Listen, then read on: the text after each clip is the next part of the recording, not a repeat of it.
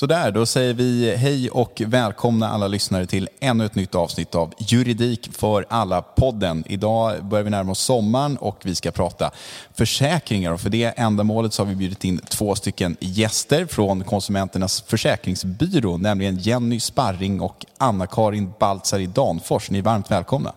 Tack så mycket. Så har ni kör. Tack. Om vi börjar med dig Anna-Karin, kan du berätta lite om dig själv? Ja, jag är 56 år och jurist i botten. Kommer från en liten by i Tornedalen och är chef på Konsumenternas försäkringsbyrå sedan åtta år tillbaks. Och det är ett superroligt jobb, för det är så varierande. Vi jobbar med allt från kattförsäkringar till svåra tjänstepensionsförsäkringar. Härligt, då går vi vidare till Jenny. Vad gör du på den här byrån? Jag heter Jenny Sparring då som sagt och är jurist och främst personförsäkringsexpert på byrån. Okej, det har viskats lite här innan vi spelade in om att ni har någon eh, konkurrerande podd till oss här. Kan inte ni berätta lite om den? Gärna, ja. Den driver då jag och är en eh, podd som heter Försäkringspodden där vi svarar på olika konsumentfrågor om försäkringar. Är det, vi ska prata om försäkringar idag. Är det många som har frågor om försäkringar? Är det ett vanligt orosmoment för människor? Allt från hemförsäkringar till djurförsäkringar, reseförsäkringar och så. Ja, det är ju, om man säger försäkring, de flesta människor tycker inte att det är så roligt. Vi tycker det är kul hos oss. Men då, vi tar emot ungefär 11 000 mejl och samtal per år och ger konsumenter hjälp till självhjälp kan man säga. Ofta har man frågor om vilken försäkring ska jag välja? Och man kanske har, förstår inte försäkringsbolagets beslut. Så man kan fråga oss i princip om allt, allt man vill om försäkring. Ibland får man ju ett intryck av att försäkringsbolagen kanske har någon form av institutionellt övertag i de här sammanhangen. Att man är väldigt stora och starka och kan det här väl, eller i alla fall utger sig för kunna väl. Och att man som konsument kanske hamnar i ett lite underläge mot de här stora kolosserna. Vad, vad, kan ni säga om det?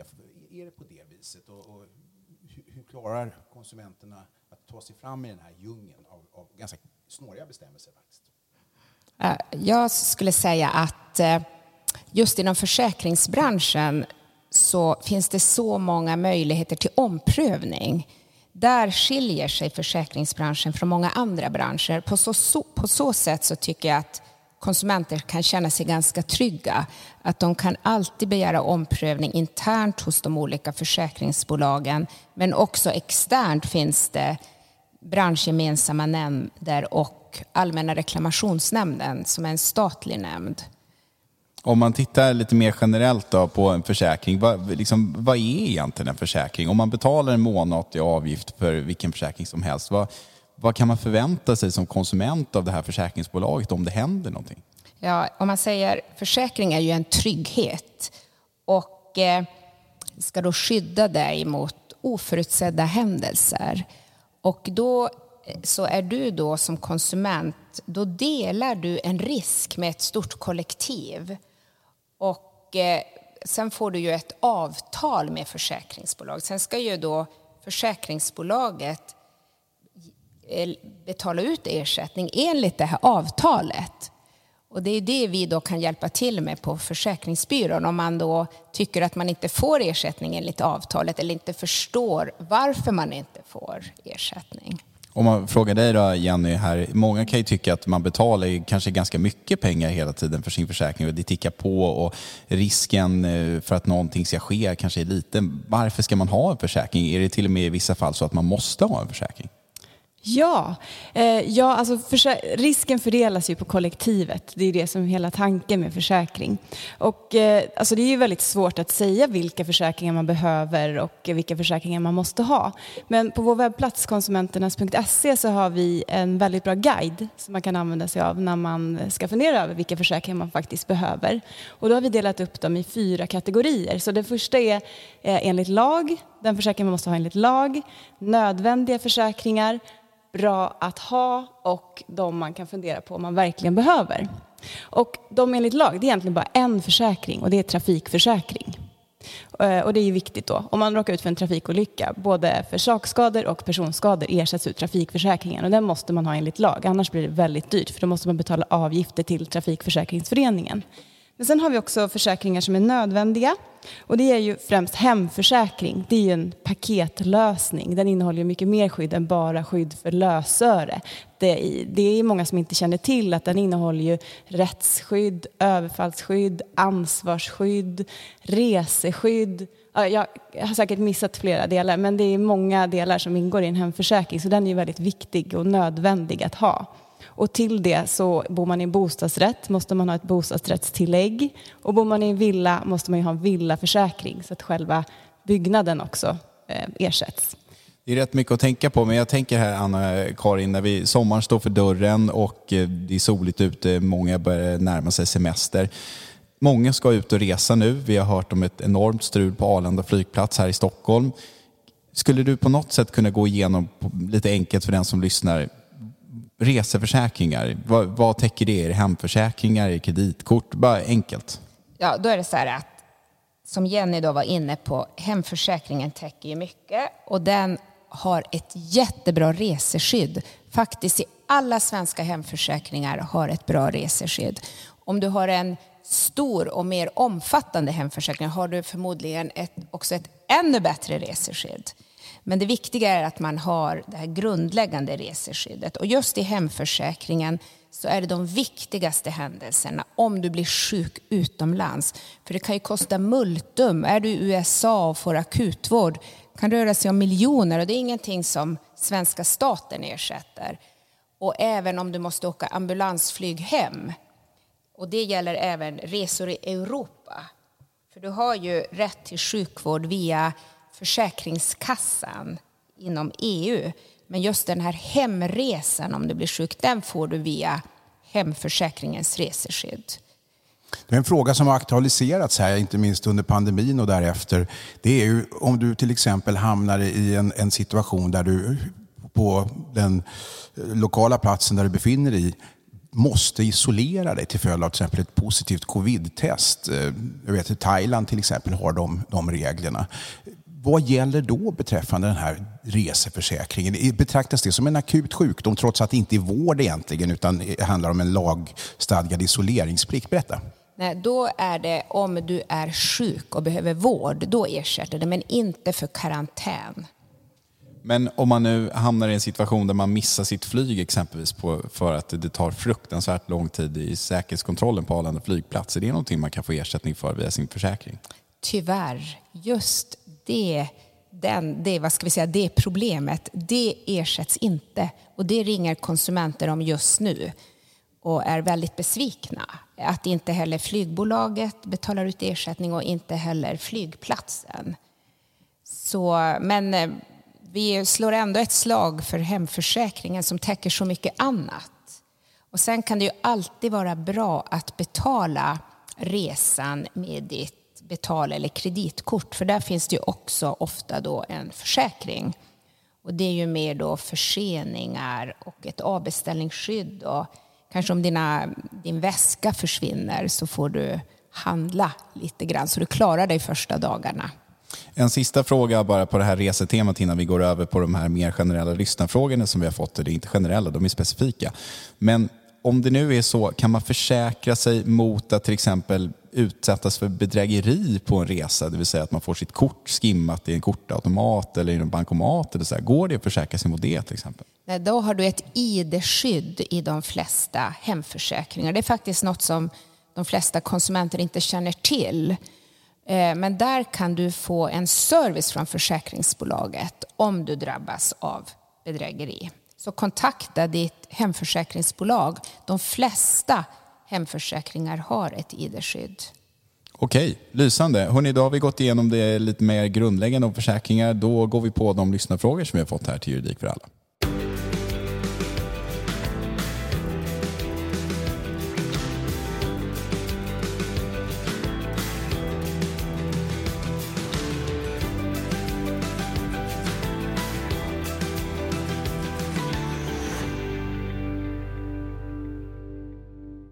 Vi börjar med den första. Den lyder som följer. Hej, jag och mitt försäkringsbolag kommer inte överens om värdet på det som blev stulet i samband med ett inbrott i vårt källarförråd. Vad har jag för rättigheter och måste jag gå till domstol? Nej, du måste inte gå till domstol. Det är inte första steget i den här situationen. Men det är ju så att du som försäkringstagare måste bevisa vilka saker du har blivit av med och sakernas värde. Eh, och eh, till att börja med kan man ju ifrågasätta, om det nu är så att man inte kommer överens med försäkringsbolaget så kan man ju börja med att kontakta försäkringsbolaget och be dem förklara hur de har kommit fram till det här beloppet. Och det man har rätt till det är ju marknadsvärdet. Och de saker man har i källaren kanske har ett ganska lågt marknadsvärde. För, men de kan ju också samtidigt ha ett högt affektionsvärde, men det ersätts ju inte ur försäkringen. Så då får man på olika sätt försöka motbevisa försäkringsbolaget att de har fel i värderingen och kanske gå ut på nätet och söka på Blocket och olika sajter för att visa vad, vad de här sakerna har för andrahandsvärde. Eh, kanske eventuellt eh, anlita en oberoende värderingsman om, man, om det är några sådana saker som man kan göra det med. Man behöver alltså inte acceptera rakt upp och ner om man verkligen tycker att det här är fel. Det handlar inte om att man bara vill ha mer pengar, för det kanske vi alla vill. Utan om man verkligen tycker att den här saken är felvärderad så har inte försäkringsbolaget, så att säga, de har inte sista ordet i det här. Utan de, de gör också en marknadsvärdesuppskattning via, via nätet, eller? Ja. ja. och, och, och, och om man då hittar någon ställe där, där saken är dyrare, så där, kan man åberopa det då? Berätta. Absolut, ja det kan man verkligen. Och eh, som Anna-Karin nämnde, försäkringsbolagen har ju också väldigt bra omprövningsmöjligheter. Så att det, man ska alltid, känner man sig missnöjd med försäkringsbolagets besked ska man ju eh, meddela det, uttrycka det och begära omprövning och, och försöka motbevisa och, och ha en dialog med försäkringsbolaget. Och sen eh, om man nu inte skulle komma överens med försäkringsbolaget, ja men då kanske man kan vända sig till ja, men Allmänna reklamationsnämnden. Alltså just domstol kanske är det sista.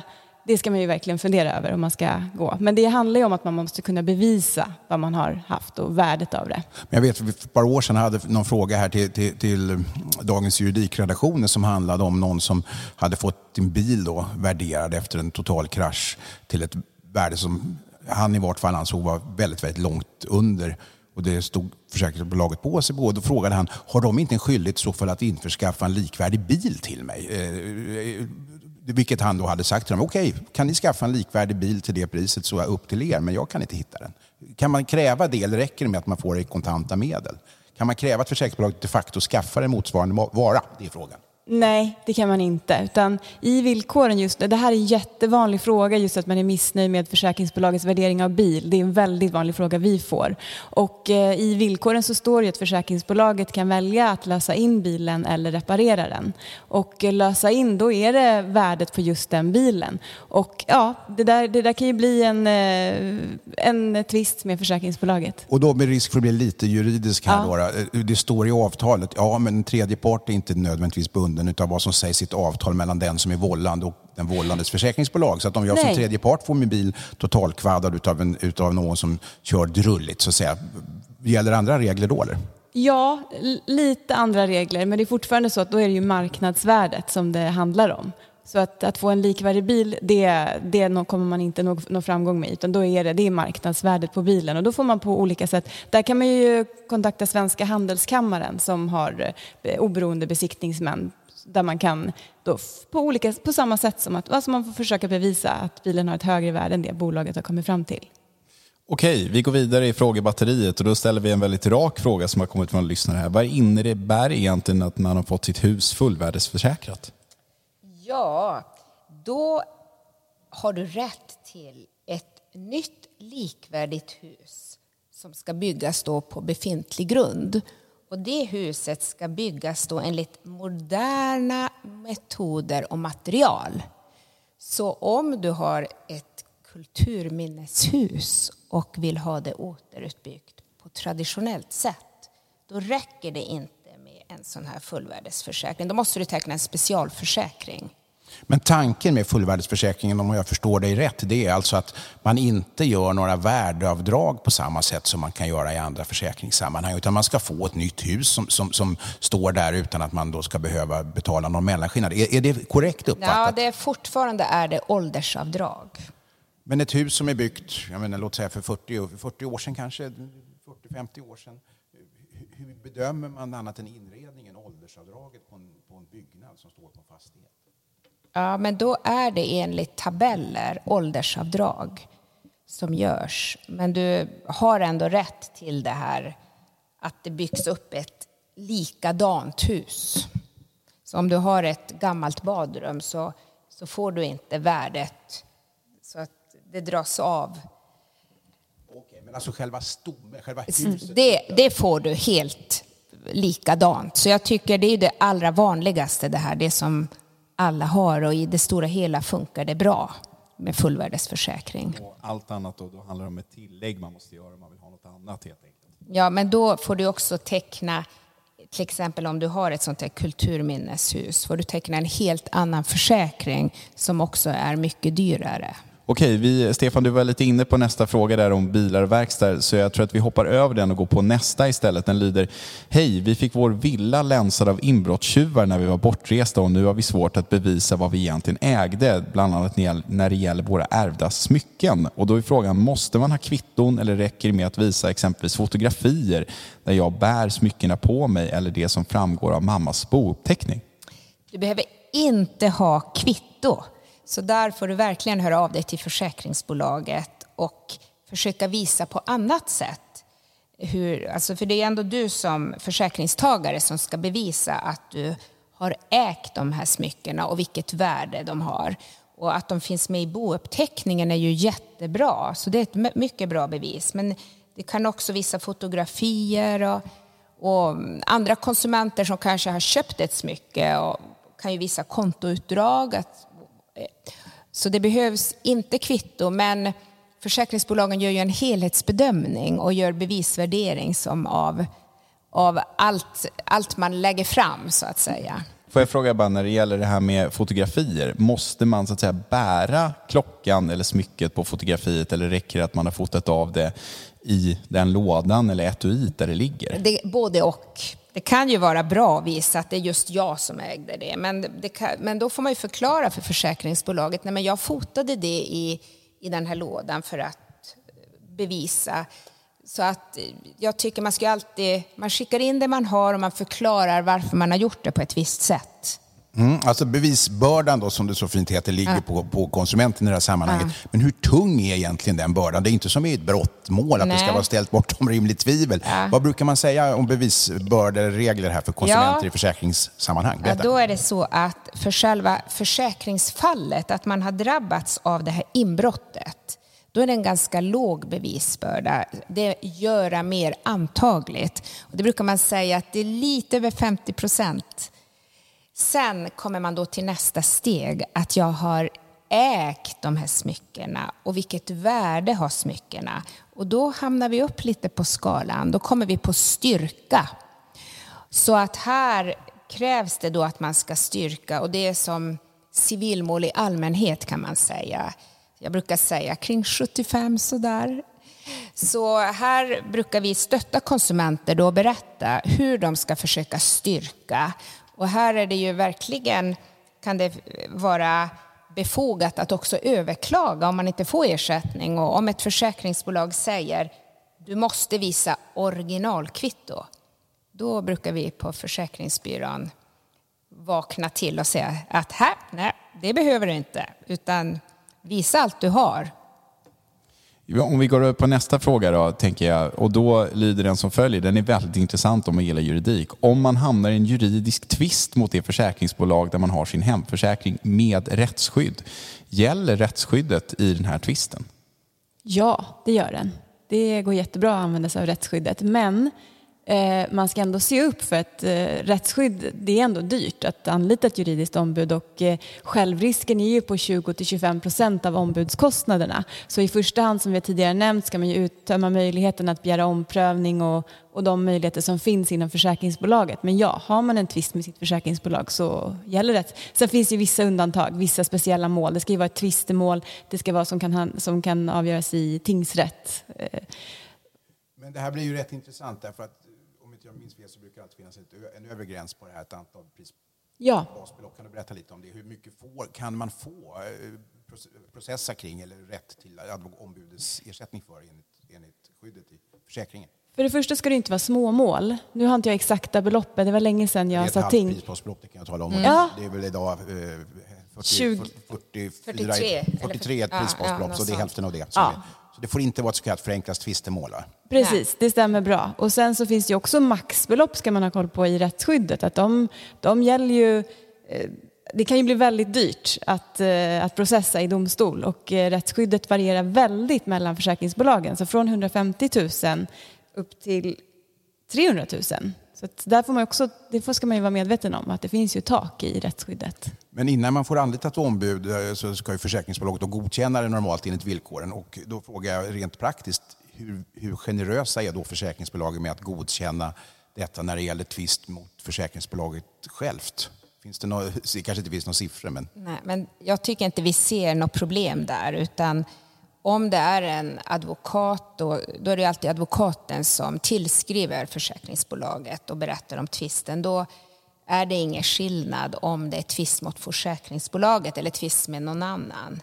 Så det tycker jag inte är, är något problem. Däremot den här övre beloppsgränsen, att inte beloppet räcker om man överklagar kan vara ett problem. Okej, vi tar nästa fråga. Den lyder som följer. Vi har haft en vattenskada hemma. Nu vill försäkringsbolaget bara ersätta 60 procent av det nya parkettgolvet med hänvisning till åldersavdrag på det gamla.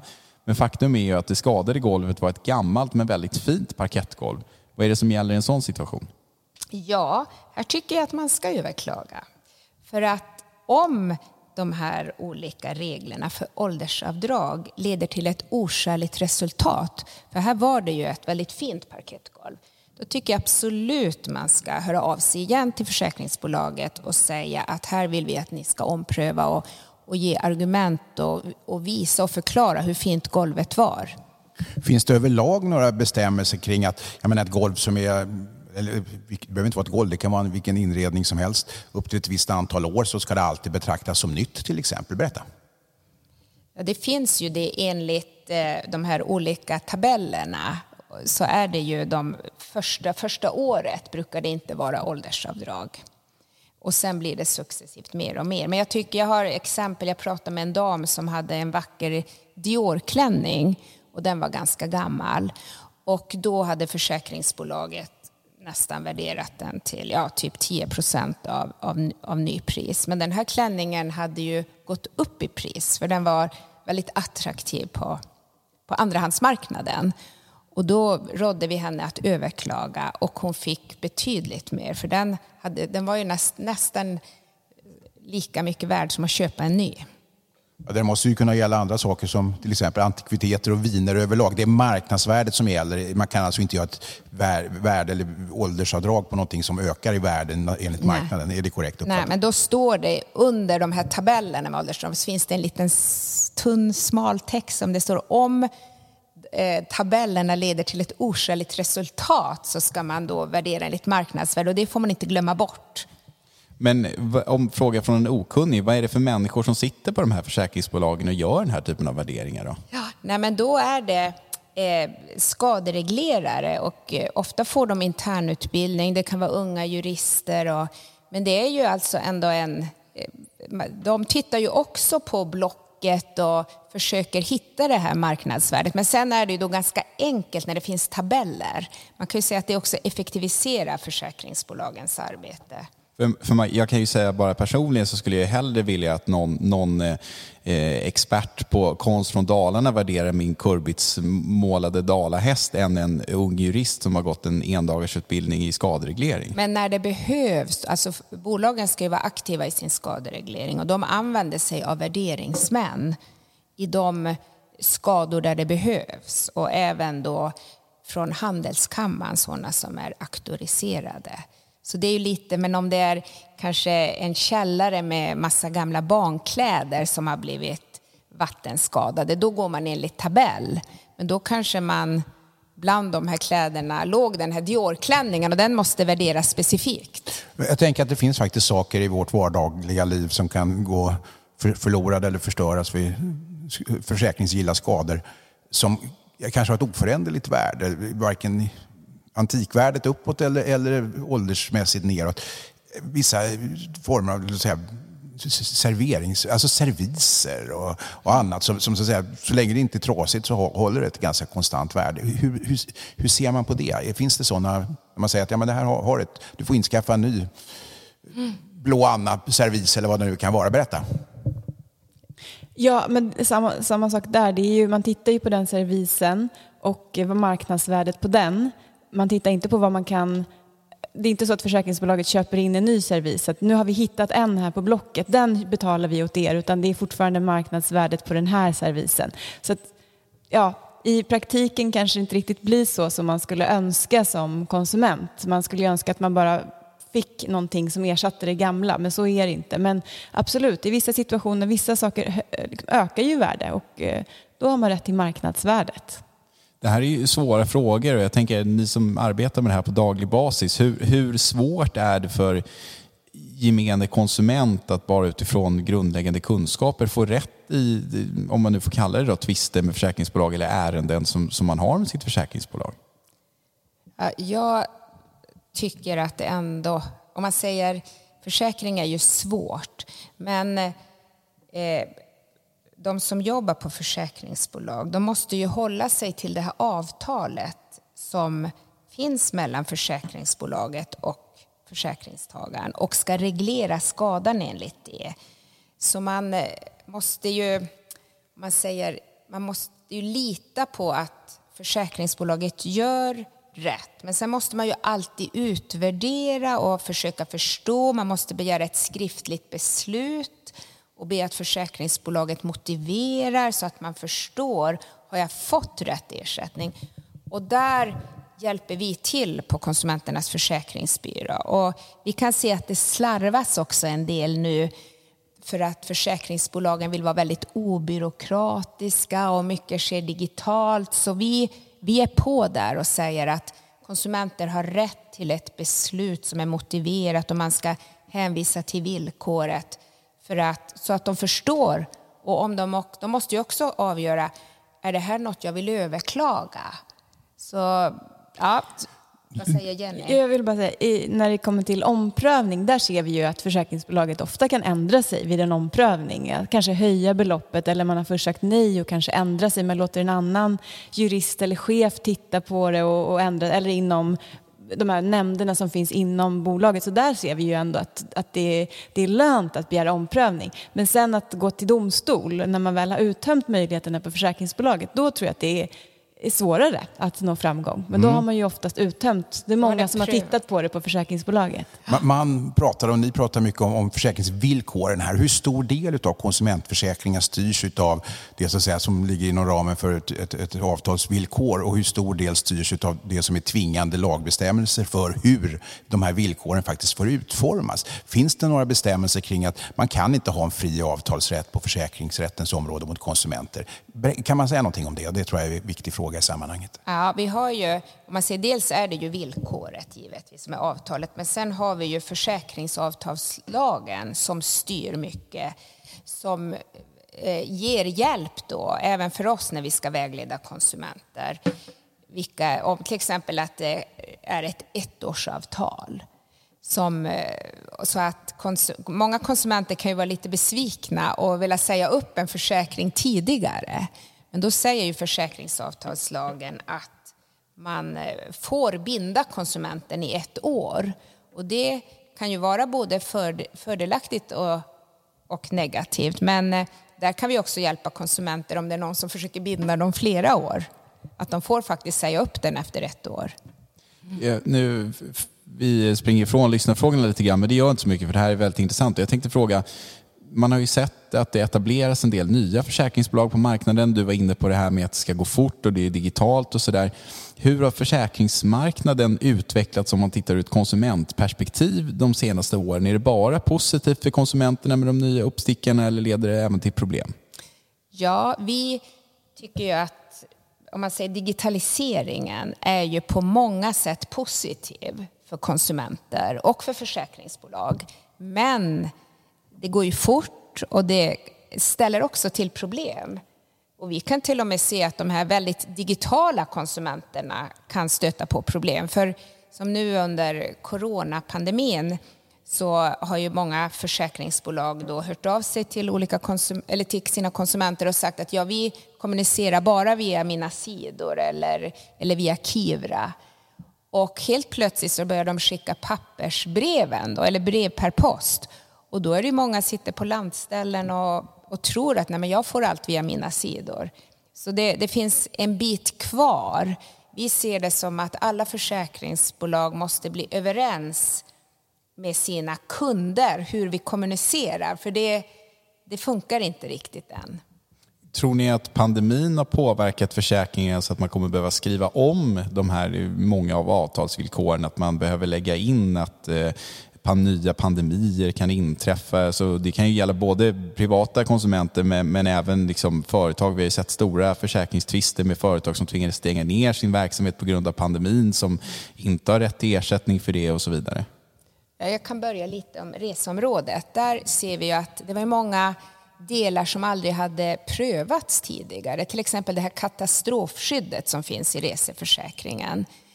Och där skiljer det sig mellan bolagen. Vad, får man ersättning eller får man till exempel hemresa om, om det blir en pandemi i det land man är i?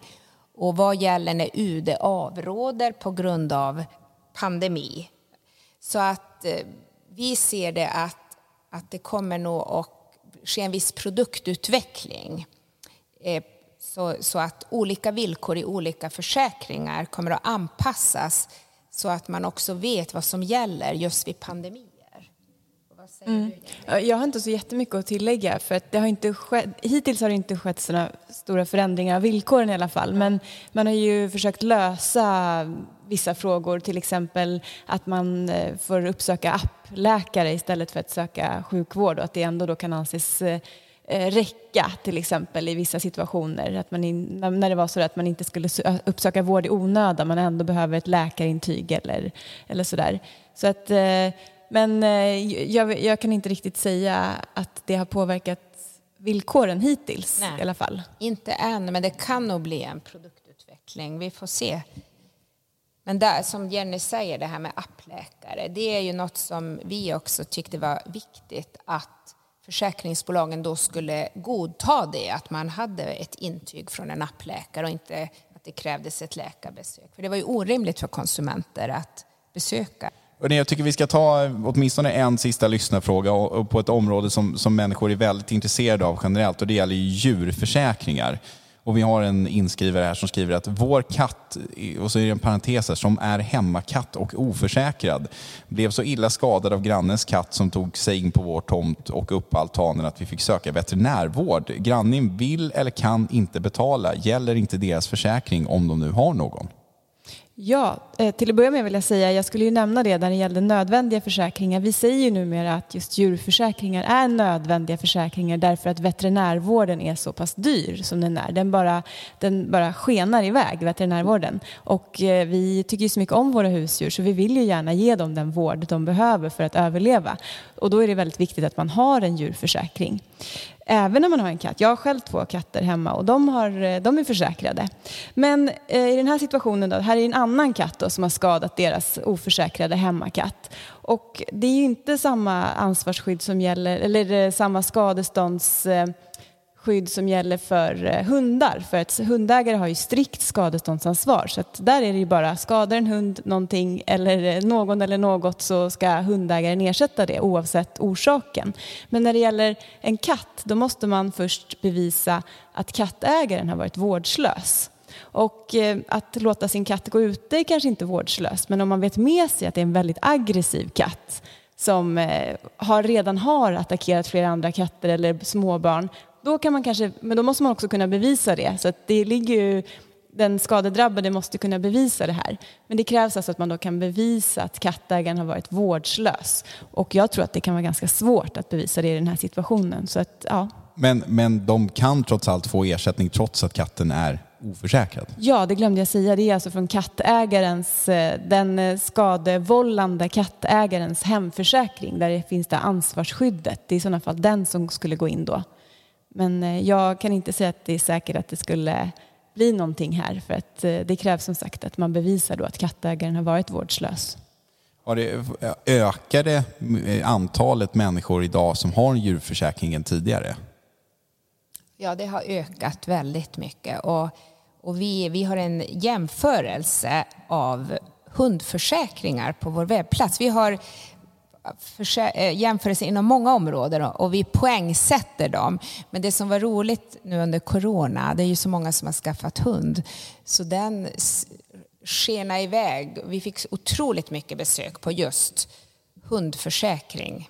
Skiljer det sig mycket då mellan de olika försäkringsbolagen generellt? Det är en intressant fråga tror jag för många lyssnare. Ska man vara noga när man väljer sitt försäkringsbolag eller är det ungefär samma? Ja, det, man ser där gör ju vi på Konsumenternas försäkringsbolag ett, ett väldigt bra jobb som kan hjälpa konsumenter. För vi jämför innehållet i försäkringar och sätter poäng. För det kan vara otroligt jobbigt för en konsument att själv sitta och läsa alla villkor och försöka tänka vilken är bättre. Men om man går in på vår webbplats konsumenternas.se och så letar man fram vår information om försäkringar och där har vi så kallade poängjämförelser. Och då kan man ganska lätt se, jaha, det här försäkringsbolaget fick så här många poäng och det här, så är det i fallande skala. Sen kan man eh, filtrera och se lite utifrån ens egna behov. Som om jag reser mycket kan jag se eh, vilket försäkringsbolag som har ett väldigt bra reseskydd. Så det rekommenderar jag verkligen att, att man ändå kollar. För att, och vi har ju bara konsumentperspektivet framför oss när vi gör de här värderingarna. Och så väljer vi också ut det vi tycker är viktigt för en konsument. Så, så man, man, ska liksom inte bara ta en hemförsäkring hos eh, försäkringsbolag X för att eh, mamma och pappa eller mina släktingar alltid har använt sig av det försäkringsbolaget och det kan vara stor skillnad. En hemförsäkring är inte alltid bara en hemförsäkring utan Nej. det kan vara skillnad däremellan. Alltså. Det skiljer ganska mycket så, så, kolla gärna våra jämförelser. Och sen har vi också jämförelser inom, inom alla möjliga områden. Moped, husbil. Vi har nu kommit ut med en ny jämförelse av båtförsäkringar visar sig att ansvarsskyddet, där man blir skadeståndsskyldig, det skiljer sig jättemycket mellan 5 och 40 miljoner. Så om man är båtägare och, och råkar köra på någon och kanske måste betala inkomstförlust resten av livet för en ung ung person så då räcker inte fem miljoner. Utan, så jämför även båtförsäkringarna. En annan fråga som faktiskt mer generellt uppkommer i de här sammanhangen är att folk som har tecknat särskilda försäkringar tror att de är så att säga, försäkrade mot allt. Om vi tar en skadedjursförsäkring så finns det bolag som då har undantagit vissa väldigt vanliga skadedjur ifrån den allmänna så här, skadeförsäkringen. Eller när vi tar djurförsäkringen vi pratade om alldeles nyss så finns det vissa försäkringsbolag som inte har med, vet jag, när det gäller till exempel katt, en av de vanligare tandsjukdomarna som väl heter FORL eller FOLR eller liknande. Va? Ska man som konsument kunna förvänta sig att, att det finns ett ganska heltäckande skydd om man tecknar en sån här försäkring eller är man tvingad att faktiskt läsa undantagen? Ja, I eh, försäkringsbolagets ska jag uppvisa förköpsinformation och i den ska de viktiga undantagen framgå. Så det kan ju vara väldigt viktigt att känna till. Så är det undantag som, är, som kommer som en chock och de inte framgår av för, förköpsinformationen, då kan man ju verkligen klaga på det. Men alla försäkringsbolag har ju mycket undantag så att det är ju viktigt att man tittar på det. Om det är något särskilt som man särskilt vill försäkra sig mot så är det ju verkligen viktigt att titta att det inte är undantaget. Men det här belyser ju vi ganska mycket i våra jämförelser, just undantag och hur de skiljer sig åt mellan försäkringsbolagen. Men, men det ni säger här nu, det skulle jag vilja att ni som en avslutning på den här podden på något sätt försöker sammanfatta för våra lyssnare. Om man är en helt vanlig konsument som har en eller två eller kanske tre försäkringar och man funderar på att byta eller man ska skaffa sin första försäkring, man kanske flyttar hemifrån eller någonting sådär. Vad är det viktigaste att tänka på som konsument? Nu har ni varit inne lite på att man ska läsa de här villkoren och förköpsvillkoren och så vidare, men kan ni på något sätt koka ner det till de bästa råden till en försäkringstagare? Jag tycker man ska tänka på sina behov och utifrån behoven då prata med försäkringsbolaget och man kan också kontakta oss. Och, för det är ändå just du och vad du behöver. Vad kostar det att kontakta er? Det är helt gratis. Och vi, man kan både ringa oss och mejla och sen besöka vår webbplats konsumenternas.se. Men jag tycker också man ska prata med försäkringsbolagen för att de vill ju också ge bra service. Vi, man hör ju ofta när man pratar om banker och lån och såna här saker att det går nu och jämför de här två bankerna eller sätter dem emot varandra och säger att jag fick den räntan där och jag får den räntan här. Kan man göra samma sak med försäkringsbolag till exempel och säga att Nej, men det här försäkringsbolaget erbjöd mig det, kan inte ni göra det? Ja, det kan man, men då, man ska också sätta sig in i, i villkoren själv så att man vet vad, vad, vad innehåller den här försäkringen. När man förhandlar med, då är det mer priset du förhandlar om. Jag vill bara säga en sak också. Vi har inte pratat så mycket om personförsäkringar, men där är det så att de ska man inte gärna byta. Har man tecknat en personförsäkring så de kan man inte byta på samma sätt som en hemförsäkring. Där måste man ändå se upp lite för att det som eventuellt har visat sig under den första tiden med den första försäkringen kan man inte ta med sig till nästa försäkring. Och det kan ju vara så att man bara uppvisat vissa symptom eh, kanske magont, huvudvärk som man söker vård för men man vet inte riktigt vad det är och sen byter man försäkring för att man blir erbjuden billigare kanske. Och sen visar det sig att man har en sjukdom, då kan det vara så att den kan man inte få ersättning för då. Så att eh, just när det gäller, det vill jag bara säga, att när det gäller personförsäkringar ska man se upp. Men, Bra att du sa Ja. det. Och det är ju samma för djurförsäkring. Mm. Och då är det ju otroligt viktigt att man också väljer en bra personförsäkring från början. Och där har vi också våra jämförelser av barnförsäkring Mm. bland annat. Eh, Det här, ni säger det är ganska intressant. Jag är tillbaka i reseförsäkringarna för jag råkar känna till att även sjukdom, olycksfall eller framförallt sjukdomsfall som inträffar på en resa som man kunde förutse eller till och med haft problem med tidigare. Till exempel att jag går och drar på en ga- gallsten som jag borde operera men jag tar den här resan först. Vad är det som gäller då? Ja, då tyvärr så täcker inte försäkringen då sjukhusvård utomlands. Det är jättebra att du tar upp den här frågan som nu inför sommaren. Om du har varit sjuk ungefär tre månader innan avresa så kontakta ditt försäkringsbolag och begär ett så kallat förhandsbesked så att du är säker på att din reseförsäkring gäller. Det är superviktigt för vi kan se väldigt tråkiga eh, exempel på när konsumenter då kanske haft corona och rest iväg och sen har det blivit några försämringar eh, på resmålet och då ersätter försäkringen ingenting. Du får stå helt för sjukhusvården själv. Hörrni, tiden springer iväg och vi måste börja avrunda. Jag tycker en sak som blir väldigt tydlig när man pratar försäkringar och, och mm, alla ämnen egentligen vi pratar om i den här podden, det är att det finns väldigt mycket som man inte kan. Det gäller att ta mycket eget ansvar och det gäller att, så att säga, hålla sig uppdaterad på vad som egentligen gäller. Och det kan man ju då göra om man går in på er hemsida. Kan vi få den adressen så att alla lyssnare kan gå in där? Det är konsumenternas, med ett S på slutet, .se. Och där finns det väldigt mycket information om bank också, för vi har den här tillsammans med våra kollegor på Bank och Finansbyrån. Och sen är det mycket information om försäkring och också pension. Så det, den har många delar och där finns också länk till vår podd, Försäkringspodden, som också går igenom de här frågorna som man kanske är extra intresserad av eller har frågor om. Och vi kommer strax att släppa ett avsnitt om reseförsäkringar som kan vara bra att lyssna på. Lysande. Vi tackar Jenny Sparring och Anna-Karin Baltzar Danfors för att ni var med idag. Tack så hemskt mycket för alla goda råd. Tack också Stefan för att du var med som vanligt. Vi hörs snart igen från Juridik för alla-podden.